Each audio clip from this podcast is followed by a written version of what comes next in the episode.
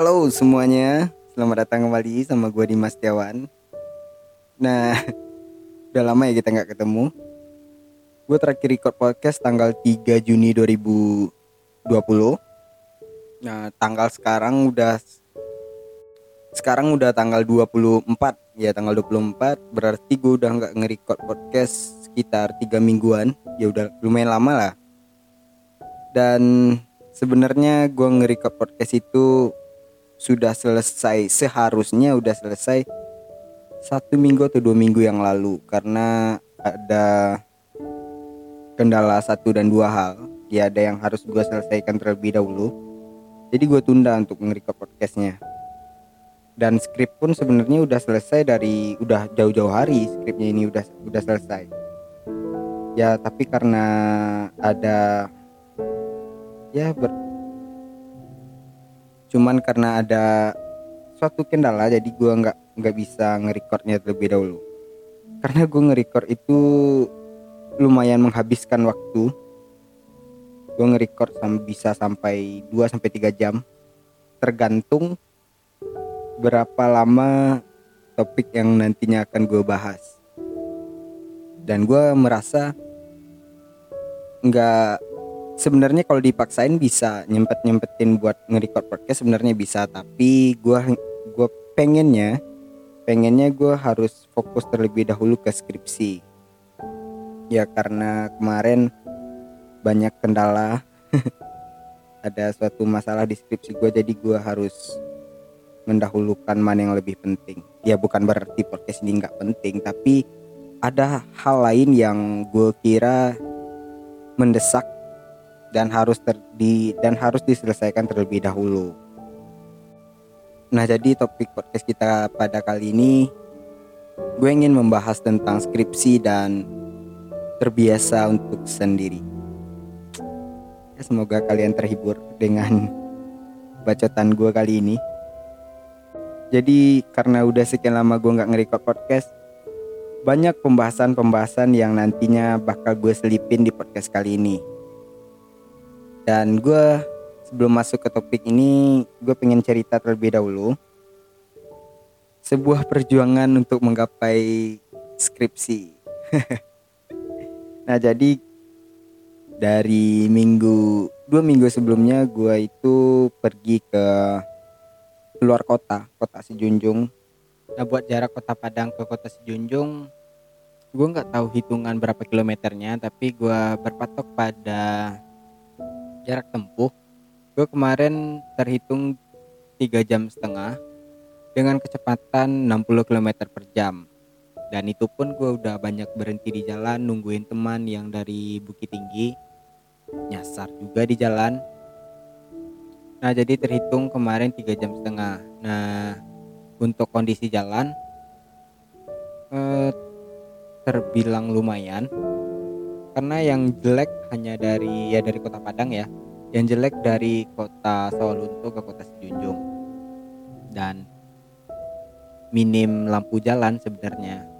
Nah jadi buat kalian yang pertama kali ke kota Sejunjung eh, sebaiknya dihindari deh eh, dihindari deh untuk perjalanan malam karena lampu jalannya sedikit minim sehingga nantinya akan menyulitkan kalian membedakan mana yang lubang, mana yang jalan.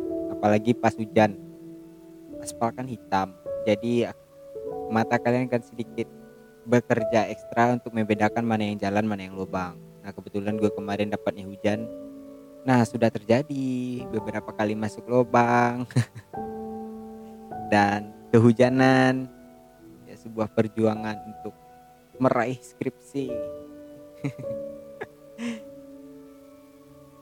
nah alasan gue ke sana buat nyari salah satu teman gue untuk sekiranya dapat membantu perskripsian gue jadi karena kan dia adalah salah satu di antara orang yang pembimbingnya sama dengan pembimbing gue jadi tidak menutup kemungkinan dia bisa membantu untuk menyelesaikan skripsi gue.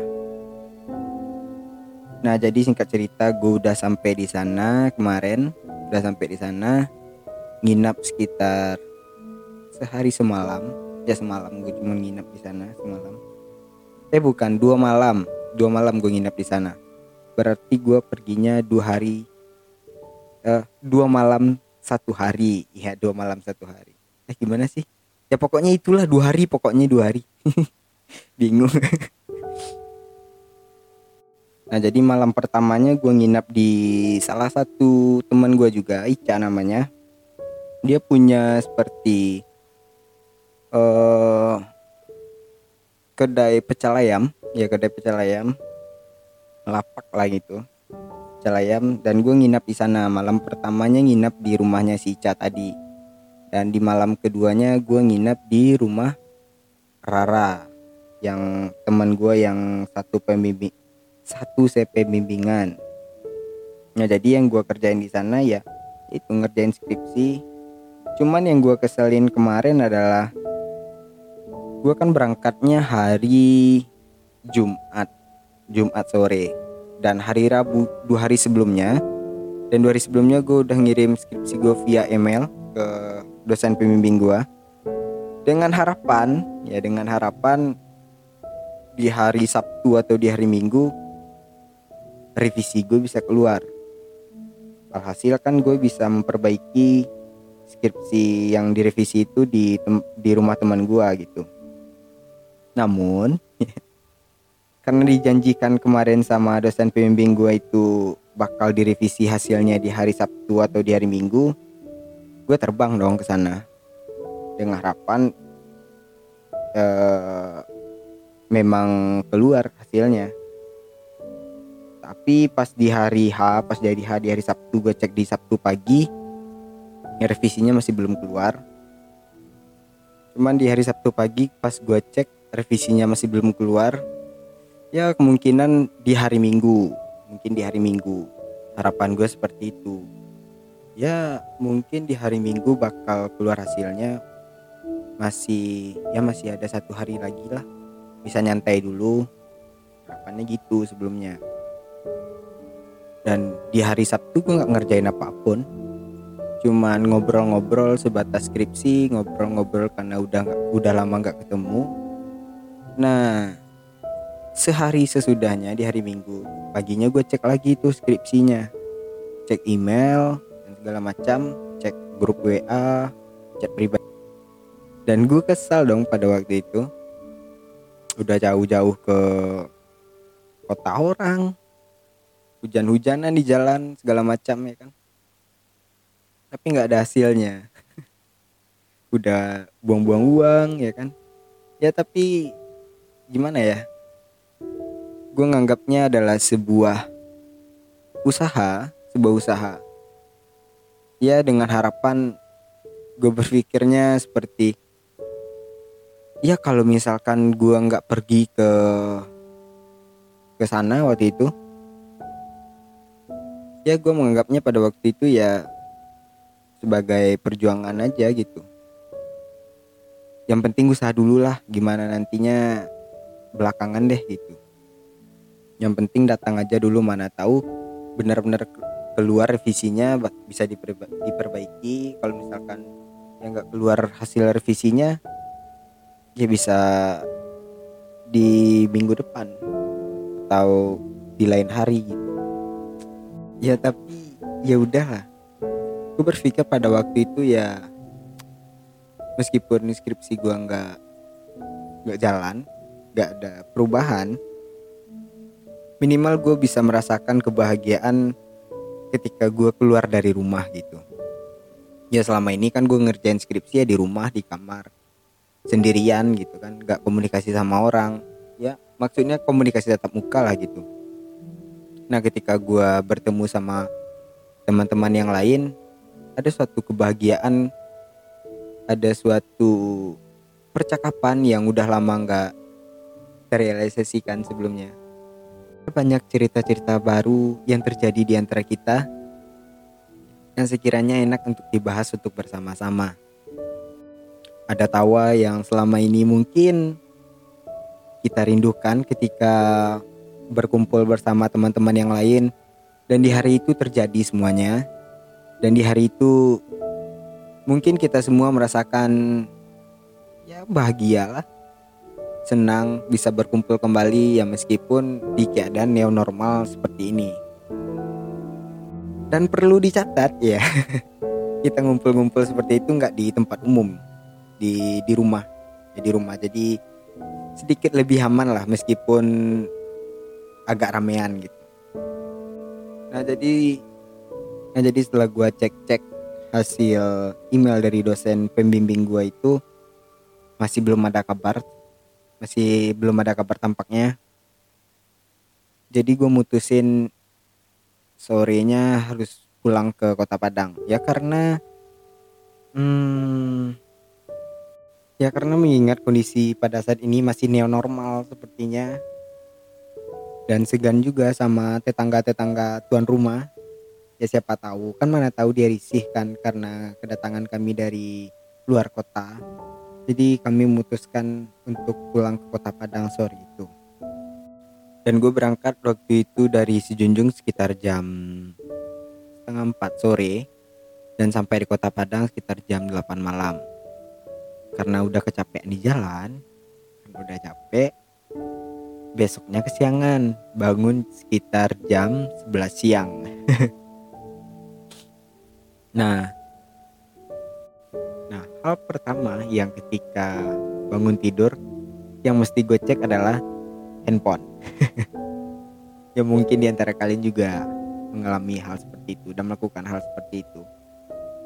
Gue cek-cek notif WA, Gmail, email, Instagram dan segala macam. Nongol lah tuh eh, postingan makanan yang di mana ownernya adalah teman gue sendiri. Wening Sekarningrum namanya. Nah jadi nongol lah tuh snapgram dari temen gue ini. Jadi jual jual makanan gitu. Kebetulan pas gue lagi bangun tidur lapar semalam belum makan. Jadi gue pesan makanan sama dia. Ya lumayan lah buat bantu teman lagi ngerintis usaha. Ya daripada gue kasih duit ke orang lain ya mending kasih ke teman sendiri nah singkat cerita sampailah tuh makanan yang gue pesan. Gue mesen kemarin yang rice ball ayam sambal mata ya rice ball ayam sambal mata isinya ada ayam yang kecil-kecil gitu kayak merica-rica terus ada telurnya. Nah yang spesial dari makannya ini adalah sambal matahnya. Sumpah sambal matahnya enak banget. Dan gue ngomong gini jadi kepikiran mau pesan lagi tapi udah jam 2 pagi. Nggak mungkin dong. Tapi sumpah enak. Dan dalam boxnya itu ya dalam boxnya itu ada sayurannya juga ada timun ada selas ada selada. Nah buat yang lagi diet kalian nggak perlu khawatir. Nah biasanya kan yang lagi diet ini ciwi-ciwi biasanya. Nah kalian nggak perlu khawatir karena porsinya nggak terlalu banyak nggak terlalu sedikit pokoknya pas deh kalian harus nyobain. Dan berbicara soal harga satu boxnya itu hanya 15 ribuan anjay murah nggak tuh? Dan harga mahasiswa banget gitu loh. Pas aja rasanya buat kalian yang lagi bokek tapi masih pengen makan enak. Ntar deh gue kasih IG ownernya kalian bisa kepoin di IG-nya cek harganya cek menunya gitu. Ning ning keren nggak promonya? Transfer 200 ribu ya KTM nggak nggak nggak nggak. Bercanda bercanda gue promoin ini ya karena memang rasanya emang enak dan dan gue yakin bahwa teman gue ini bakal ngerintis usaha di bagian makanan. Ya gimana ya? Di circle pertemanan gue dia adalah salah satu orang yang terbilang masakannya enak. Ketika dia masak pasti makanan yang dia masak pasti habis pasti bakalan habis. Dan dia juga yang biasanya ngasih-ngasih ide. Ya biasanya kan kayak gitu tuh. Ngasih-ngasih ide apa-apa aja yang kita bakal masak gitu. Biasanya di uh, apa namanya buka bareng atau lagi keluar kota nginap di rumah teman biasanya kan makan bareng tuh pagi atau sorean. Nah dia ngasih-ngasih ide menu-menu apa aja yang bakal dimasak hari ini gitu. Dan dan dia ini adalah tipikal wanita rajin ya idaman buat kalian yang cowok-cowok yang lagi nyari jodoh misalnya kan yang lagi nyari jodoh. Winning the best lah pokoknya. Pintar masak rajin pintar ya kan? Eh nggak ada yang minus dari dia tuh nggak ada yang minus. The best deh pokoknya. Silakan DM Instagramnya langsung. Ning ning kalau kayak gini nambah lagi dong 100k ampun ampun. Dah dah udah udah udah buat promonya udah. Kita kembali ke pembahasan podcast kemarin. Nah berbicara buat podcast episode kemarin banyak yang komplain ke gue bilang Dim ngomongnya cepat banget. Dim jangan lupa napas. Dim slow aja nggak ada yang ngejar. Iya gue tahu. Yang kemarin gue kecepatan ngomongnya. Ya sorry aja buat kalian yang ngulang-ngulang dengernya biar paham jadi kemarin gue terbawa suasananya aja nggak nyadar kalau ngomongnya secepat itu. Dikarenakan gue sering blank makanya ngomongnya gue cepetin gitu. Padahal udah dibantu skrip loh tapi tetap aja lupa. Dan ada juga yang ngomong kayak ini. Ya Eladim tinggal ngomong aja repot amat. Gue gue gue dulu juga bilang gitu apaan sih podcast? Tinggal ngebacot dan terus upload selesai. Nah tapi setelah nyoba dong nggak segampang itu ternyata. Ternyata ngebacot nggak sesederhana itu juga. Dan harus kalian tahu yang gue upload kemarin yang di podcast kemarin 15 menit gue recordnya udah hampir 4 sampai 5 jam. Eh beneran loh ternyata ngebacot sendiri nggak sesederhana itu aneh rasanya ketika kalian ngomong sendiri ketawa sendiri dan yang paling gue kesal adalah ketika gue mendengar suara gue sendiri nggak tahu kenapa kayak berasa jijik aja gitu. Mungkin di antara kalian juga ada yang merasakan hal-hal seperti itu. Nggak tahu kenapa, mungkin karena apa ya? Mungkin lebih tepatnya karena gue nggak pede dengar suara gue sendiri. Ya jadi ya seperti itu gue benci dengan apa yang gue bicarakan, apa yang gue utarakan. Pokoknya seperti itulah. ya belum lagi di tengah-tengah lu ngomong, otak lu tiba-tiba blank nggak tahu mau bilang apa. Ya apalagi yang masih pemula seperti gue.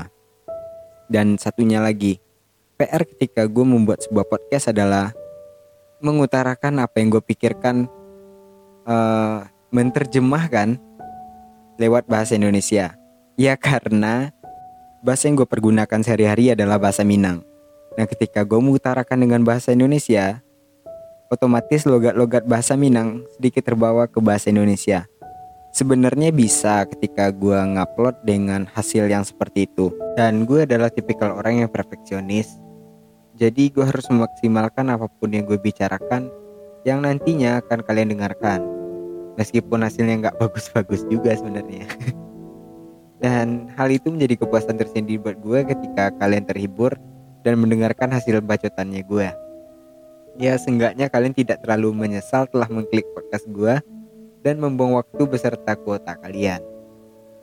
Mungkin semua orang kalau berpikir kalau misalkan bukan buat semua orang ya, maksud gue tuh uh, di kalangan teman-teman gue sendiri yang notabene yang notabene-nya adalah orang Minang, dia akan ketawa ketika orang lain mengutarakan sesuatu dalam bentuk bahasa Indonesia cuman masih ada logat Minangnya dan mereka berpikir bahwa itu adalah lucu.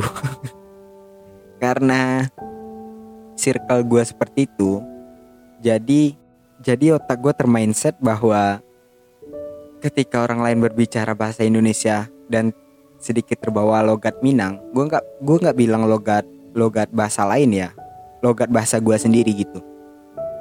Gue berpikirnya itu adalah lucu.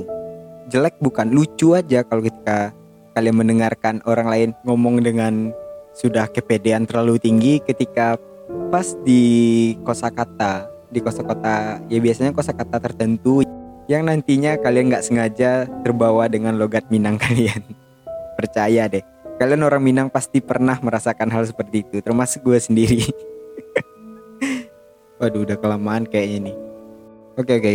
Sekarang kita masuk ke topik pembahasan. Yang pertama adalah skripsi. Kita bahas satu-satu bedah satu-satu terlebih dahulu ya. Nah, skripsi ini adalah sebuah tugas akhir di masa perkuliahan kalian, di mana skripsi ini adalah persyaratan kalian untuk menyelesaikan studi menjadi seorang sarjana strata 1 atau S1. Dan skripsi ini bisa kalian ambil atau bisa kalian Nah, skripsi ini bisa kalian laksanakan setelah menyelesaikan mata kuliah-mata kuliah wajib di setiap semester kalian. Dan biasanya skripsi ini bisa dikerjakan setelah kalian dinyatakan layak di persyaratan akademis sebuah kampus. Biasanya kalian telah menempuh 130 SKS atau IPK kalian sudah melewati syarat untuk pengambilan sebuah skripsi. Cuman yang banyak sekali menjadi pertanyaan adalah skripsi itu susah atau gampang? pertanyaan-pertanyaan seperti itu selalu ditanyakan uh, bagi mahasiswa yang di semester 2, semester 3 atau semester 5 yang nantinya akal yang yang nantinya bakal menjalani sebuah skripsi atau mungkin bagi siswa-siswa SMA yang bakal melanjutkan perguruan tinggi. Nah, di sini gue mau bilang bahwa skripsi susah atau mudah itu tergantung bagi kalian sendiri. Kenapa gue bisa bilang seperti itu? Karena pada dasarnya skripsi merupakan bentuk laporan dari suatu jenis evaluasi terhadap pernyataan empirik dan kenyataan objektif yang ditelusuri melalui penelitian. Dan masing-masing di antara kalian juga menjalani hal yang sama. Yang membedakannya adalah proses untuk menyelesaikan skripsi tersebut. Susah atau gampang tergantung dari judul yang bakal kalian teliti atau objek penelitian yang kalian pilih. Kenapa judul gue bilang salah satu kunci dari proses penyelesaian skripsi kalian? Karena judul dan objek adalah dasar dari penelitian kalian. Seandainya kalian memahami dan mengerti tentang judul yang kalian pilih, tentu saja hal itu tidak menyulitkan kalian ke depannya. Masalahnya, hal yang sering terjadi di antara mahasiswa adalah memilih judul yang tidak mereka pahami sama sekali dan mengopas judul dari senior-senior mereka. Dengan harapan judul yang diajukan lebih cepat untuk disetujui oleh pihak kampus. Namun yang sering terjadi adalah kebanyakan dari pihak kampus lebih menyetujui judul skripsi yang masih tergolong langka. Dan lebih parahnya lagi, banyak di antara kita tidak memahami akan judul tersebut. Padahal judul yang kalian ajukan sebelumnya adalah judul yang kalian pelajari dan sudah kalian pahami sebelumnya. Tapi ditolak. Dan inilah awal dari kerja keras kalian. Dan faktor lain yang menentukan sebuah proses kalian adalah dosen pembimbing dosen pembimbing yang nantinya bakal membimbing skripsi kalian. Kehokian kalian dipertaruhkan saat ini. Nah di kampus gue dosbing itu diacak dan diberikan ke kalian dalam bentuk surat. Gue nggak tahu tuh di kampus lain kayak gimana cara pembagian dosen pembimbingnya. Nah pada masa itu adalah hari yang paling menegangkan bagi kalian di masa perkuliahan. Wajah-wajah bahagia dan wajah-wajah murung bakal memenuhi ruangan nantinya. Ada yang dapat dosbing yang mereka kenal, ada yang dapat dos ada yang dapat dosen killer sebagai pembimbingnya. Kalau gue pribadi berharapnya dapat dosen yang udah gue kenal, bukan berharap akan dipermudah skripsi, tapi gue berpikir bahwa setidaknya ketika gue bimbingan tidak ada rasa kaku ketika berbicara. Karena nantinya bakal banyak interaksi dengan dosen pembimbing. Dengan kita sudah tahu atau kenal, kita tidak merasakan gugup ketika berbicara. Sayangnya gue nggak mendapatkan hal itu, justru dosbing yang tertulis di surat Gak pernah gue ketemu sebelumnya. Dan benar saja, banyak kesulitan yang gue hadapi sampai saat ini. Judul beberapa kali ditolak, dimarahi, sampai-sampai dosen pembimbing nyerah untuk membimbing gue. Ada rasa kesal dan malu ketika melihat teman-teman yang lain sudah di SCC dan ada juga yang udah lanjut di bab selanjutnya. Dan gue masih muter-muter di situ-situ aja. Dan gue menyadari bahwa dan gue menyadari bahwa gue gak bisa samain proses gue sama yang lain. Kesusahan yang dialami sekarang mungkin membuka jalan yang lebar di depan. Dan teman yang terlihat mudah untuk menjalaninya belum tentu segampang itu. Gue gak tahu pasti apa yang dialami untuk mencapai itu. Dan mungkin saja kebahagiaan yang terlihat tadi adalah satu kebahagiaan yang terlihat dari ratusan kegagalan yang telah dialami. Jadi ya santai aja, susah yang sekarang dialami gue anggap adalah cambuk untuk gue makin berkembang, ditempa agar lebih baik, fokus terhadap diri sendiri dulu. Gak perlu melihat kebahagiaan orang lain, apalagi iri. Ini cuma masalah waktu, kita bakal memakai toga ketika waktu itu tiba. Dan gue mau mengkoreksi bahwa banyak di antara kita berpikir lulus cepat adalah suatu ukuran kepintaran seseorang. Gue akui dulu gue berpikir bahwa terlambat untuk wisuda adalah dia yang bodoh di antara temannya nakal atau segala macamnya lah. tanpa mengetahui siapa yang gue bicarakan. Setelah gue mengalaminya sekarang, gue menyadari bahwa lulus bukan ukuran kepintaran seseorang. Banyak yang gue temui senior yang masih menjalani skripsi di semester 10 dan ada juga yang semester 15. Mereka justru yang layak gue jadikan panutan. Banyak pengalaman pahit dan berharga mereka. Dan wisuda di waktu yang tepat bukan menjadi alasan untuk menutupi atau satu ucapan yang ofensif untuk mereka. Lulus di waktu yang lama bukan berarti dia bodoh atau nakal, tapi beberapa di antara mereka menjalani bisnis di masa muda mereka dan ada juga yang bekerja untuk membiayai perkuliahan mereka sendiri. Dan bisa-bisanya kadang di antara kita menjudge mereka tanpa tahu hal yang sebenarnya terjadi di hidup mereka. Dan banyak juga yang gue temui mereka yang wisuda di waktu yang cepat tapi nggak tahu arah ke mana mereka selanjutnya. Kerja di mana, mau gaji berapa, dan bahkan belum tahu passion mereka dan masih belum yakin dengan kemampuan dirinya sendiri. Lulus di waktu yang cepat setidaknya meringankan beban orang tua untuk membiayai perkuliahannya. Tapi di sisi lain ia sendiri bingung mau apa. Poinnya adalah apa yang lu laluin saat ini adalah proses untuk berkembang. Dan semoga buat kalian teman seperjuangan skripsi tetaplah tertawa, tetaplah bahagia. Apa pun yang kalian hadapi semoga saja keberuntungan di pihak kita dan menjadi sarjana yang berguna. Tidak banyak yang bisa gue share pada topik ini, Gue membagikan hal ini hanya untuk memotivasi diri sendiri dan buat kalian yang menjalani skripsi. Nah sekarang gue pengen bahas tentang mulai terbiasa untuk sendiri. Gue menyadari hal ini berubah satu tahun belakangan ini. Gue merasa ada perubahan yang sangat drastis tentang apa yang gue jalani.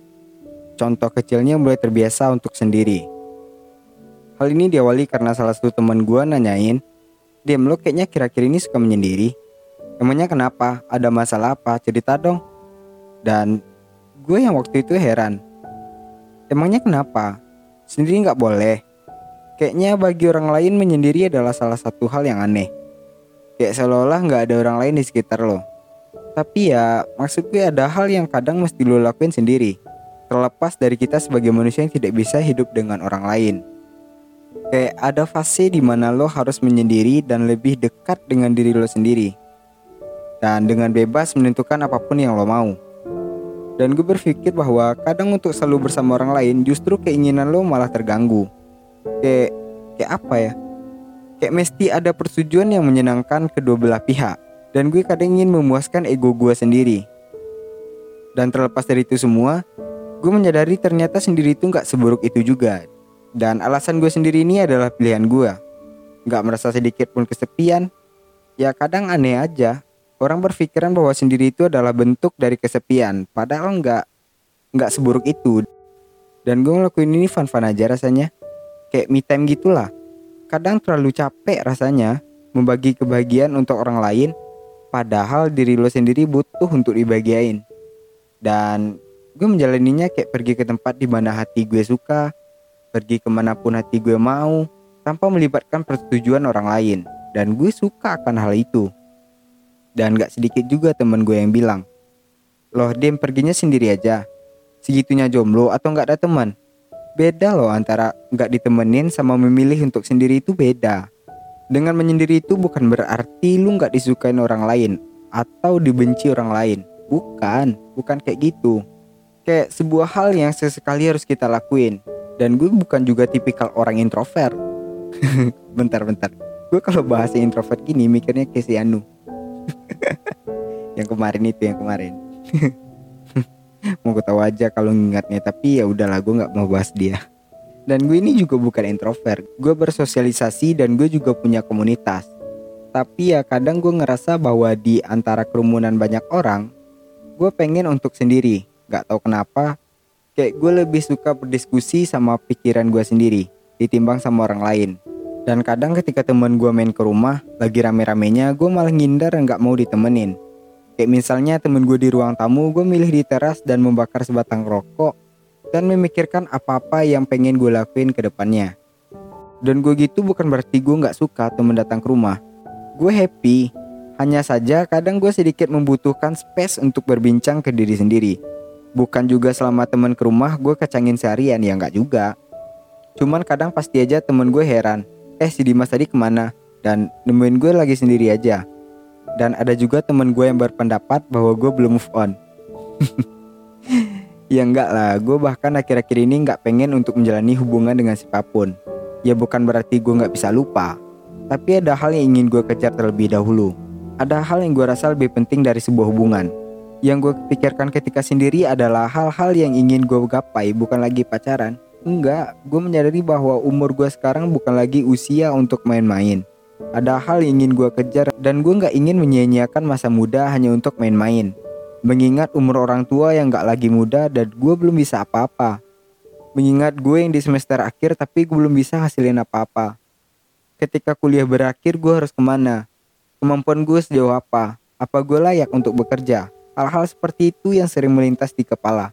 Itulah alasan kenapa gue memilih untuk sendiri dan gak fokus untuk sebuah hubungan. Berbicara tentang sendiri tadi, gue juga sering beli apa-apa sendiri Contohnya gue sendiri di toko baju dan lagi milih-milih baju dan gue gak merasa aneh sedikit pun dan gue merasa hal itu biasa. Namun anehnya bagi teman-teman gue, dia merasa risih aja kalau sendirian ke toko baju. Ya karena fokus dari mereka adalah orang lain, dia menganggap ketika berjalan sendiri adalah hal yang aneh bagi orang lain. Padahal orang lain juga gak peduli. Beda ketika fokus lu ke tujuan lu, ketika fokus lu untuk mencari baju yang lu suka, Lo nggak bakal peduli apa pendapat orang lain. Lo sibuk dengan diri lo sendiri. Lo sibuk nentuin baju yang mana pas buat lo, bukan bagaimana orang lain memandang lo. Dan hal yang menyenangkan ketika lo pergi sendiri adalah lo memilih apa yang lo pengen. Lo lihat apa yang mata dan badan lo nyaman. Karena ketika lo pergi bareng teman, sahabat, ataupun pacar sekalian, akan selalu ada kalimat, eh kayaknya baju ini pas deh buat lo. Padahal tujuan utama lo bukan untuk itu. Dan belum tentu juga yang dipilih orang lain itu lo suka dan akhirnya lo teracuni untuk membeli barang itu yang ujung-ujungnya nggak kepake juga. Hal itu menyebabkan makanya gue lebih suka beli baju atas dasar keinginan gue sendiri. Lo bisa kenal dengan diri lo sendiri, tahu selera style lo sendiri. Lo nyaman pakai baju itu atas dasar emang lo suka dan lo pede dengan itu. Dibandingkan lo pakai baju atau celana yang dipilihin sama orang lain, tapi lo nggak nyaman dan maksain. Karena temen lo merasa Lo bagus ketika make itu dan lo terpaksa makainya untuk hargai pendapat teman lo itu tadi. Padahal lo risih dan gak nyaman sebenarnya. Yang ujung-ujungnya bakal menjadi pajangan di lemari pakaian lo. Sedih banget. nah kesendirian itu yang menjalar ke semua hal di hidup gua. Di kampus apa-apa yang gue kerjain juga sering sendiri. Gak tau kenapa kebanyakan orang kadang ke kantin pasti barengan dengan temannya. Minimal satu atau dua orang. Gue nggak merasa aneh sama sekali ketika di kampus. Tiba-tiba lapar tapi nggak ada teman ya makan sendiri. Ke kantin sendiri nggak kenapa-napa nggak merasa aneh sama sekali. Ya berdua atau bertiga sekalipun kenyangnya tetap sama kan? Risih diliatin orang lain emangnya kenapa dia kan punya mata berhak untuk melihat apa pun kenapa lu mesti risih diliatin banyak orang bodoh amat yang penting gue kenyang Dan ketika gue ngurus kepentingan di kampus, gue juga biasa sendiri, nggak mesti untuk ditemenin banyak orang atau teman sekalian. Dan karena gue sadar nanti pun ketika skripsi, nggak bakal ada satupun orang yang bisa lo andalin. Orang-orang bakal sibuk dengan urusannya masing-masing. Dan lu yang nantinya bakal susah sendiri karena terbiasa ditemani. Nggak mandiri. Akan ada pada masanya lu mesti hadapi apa-apa sendiri, bukan berarti lu nggak butuh orang lain Ya tapi memang seharusnya lu bisa berdiri di atas kaki lu sendiri. Latih hal-hal seperti itu dengan hal, kecil di hidup lo. Jogging misalnya. Lo bisa pergi sendirian dan menikmati akan hal itu. Dan banyak hal yang lu dapetin ketika jogging sendirian. Lo bisa tahu kemampuan diri lo, lo bisa fokus dengan diri lo. Kebanyakan orang kalau jogging 30% lari, selebihnya ngobrol sambil jalan. itu yang lo sebut olahraga. Capek buat story IG yang bakal lu post nantinya apa-apaan olahraga begituan dan banyak hal juga lu dapetin ketika jogging sendirian lu bisa tahu kemampuan diri lu lu bisa fokus dengan diri lu lu bisa keliling lapangan sesuka hati lu lari dan berhenti sesuai kemampuan lu beda halnya ketika lu jogging berdua atau bertiga sama teman atau pacar sekalipun by the way pernah nggak lu pengen traveling sendirian ke mana kek keluar kota kek atau ke mana pun lo ingin tanpa orang lain. Gue kepengen akan hal itu, pergi ke mana hati gue suka dan menikmati setiap perjalanan dengan kesendirian. Berhenti di tempat di mana lo pengen untuk berhenti, sehingga di tempat kaki lo udah capek. Hal itu adalah salah satu keinginan terbesar gue yang belum kesampaian sampai sekarang. Gue berpikir hal-hal seperti ini gak bakal lu dapatin ketika lu udah nikah dan punya anak. Dan gue berharap satu kali dalam hidup gue merasakan nikmatnya berjalan tanpa harus menyimpan beban dan bebas. Sampai nantinya ada tanggung jawab besar yang akan gue genggam. Dan kesendirian tampaknya juga membantu gue dalam menghindari dari berbagai banyak masalah. Di dalam perkumpulan deh contohnya, gue mempunyai circle pertemanan yang terdiri dari banyak kepala. Tidak menutup kemungkinan akan datangnya sebuah masalah. Beruntungnya gue adalah orang yang bodoh amat dengan urusan orang lain dan jarang juga bertemu dari mereka jadi ya kadang kalau ketemuan mereka sering membahas masalah yang gue sendiri nggak ngerti. Pernah di suatu tempat, kopi atau kopi shop lah. Gue yang pada waktu itu telat datang. Temen gue udah pada ngumpul semuanya di situ dan mereka lagi nyelesain suatu masalah. Kesalahpahaman sebenarnya di antara mereka. Yang gue datangnya udah telat gitu dan langsung bingung ini masalah apa, masalah yang mana dan gue nggak terlibat dalam masalah itu gue cuma bisa diam dan dengar apa yang mereka bicarakan dan dan menyaksikan keributan yang terjadi. Hal-hal tersebut yang membuat gue menjadi penyendiri. Gue gue nggak terlibat dengan masalah ini itulah dan gue juga nggak suka sebenarnya terlibat dalam masalah. Dan gue bukan tipikal orang yang pengacau. Justru malah gue tipikal orang yang nurut-nurut aja. Ya karena gue nggak suka berdebat akan masalah yang nggak penting, membuang-buang waktu dan menunjukkan ketidakdewasaan dalam bertindak.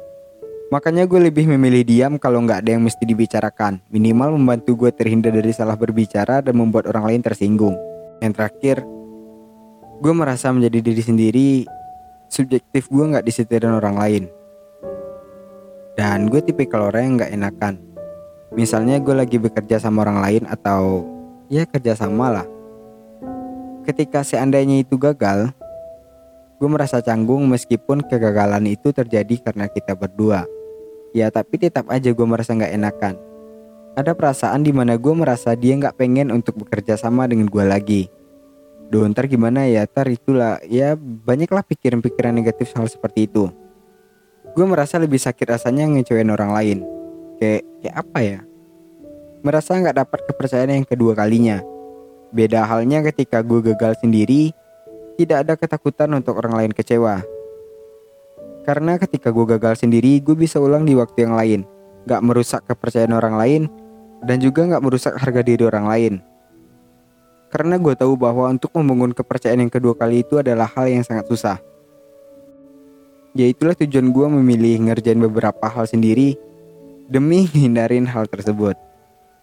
Dari pembahasan tadi gue menyimpulkan bahwa kesendirian yang gue alami mungkin adalah faktor bertambahnya usia ya wajar lah transisi usia dari masa remaja menuju dewasa. Ya secara umur gue udah menginjak kepala dua yang mengharuskan gue untuk berpikir banyak hal, berpikir apa-apa tindakan yang gue pilih gak sia-sia nantinya. Dan kesendirian juga yang membawa gue fokus ke hidup gue sendiri dan menjadi terapi untuk menyiapkan kehidupan yang random nantinya. Ya mungkin cuma itu pembahasan podcast kali ini. Buat kalian yang pengen cerita hal-hal menarik yang kalian alami, kalian bisa DM lewat Instagram gue Dimas Setiawan. Dimas Seti I-nya double, Awan N-nya juga double. Sampai jumpa di podcast selanjutnya. Semoga kalian tetap baik-baik saja. Gue Dimas dan sampai jumpa.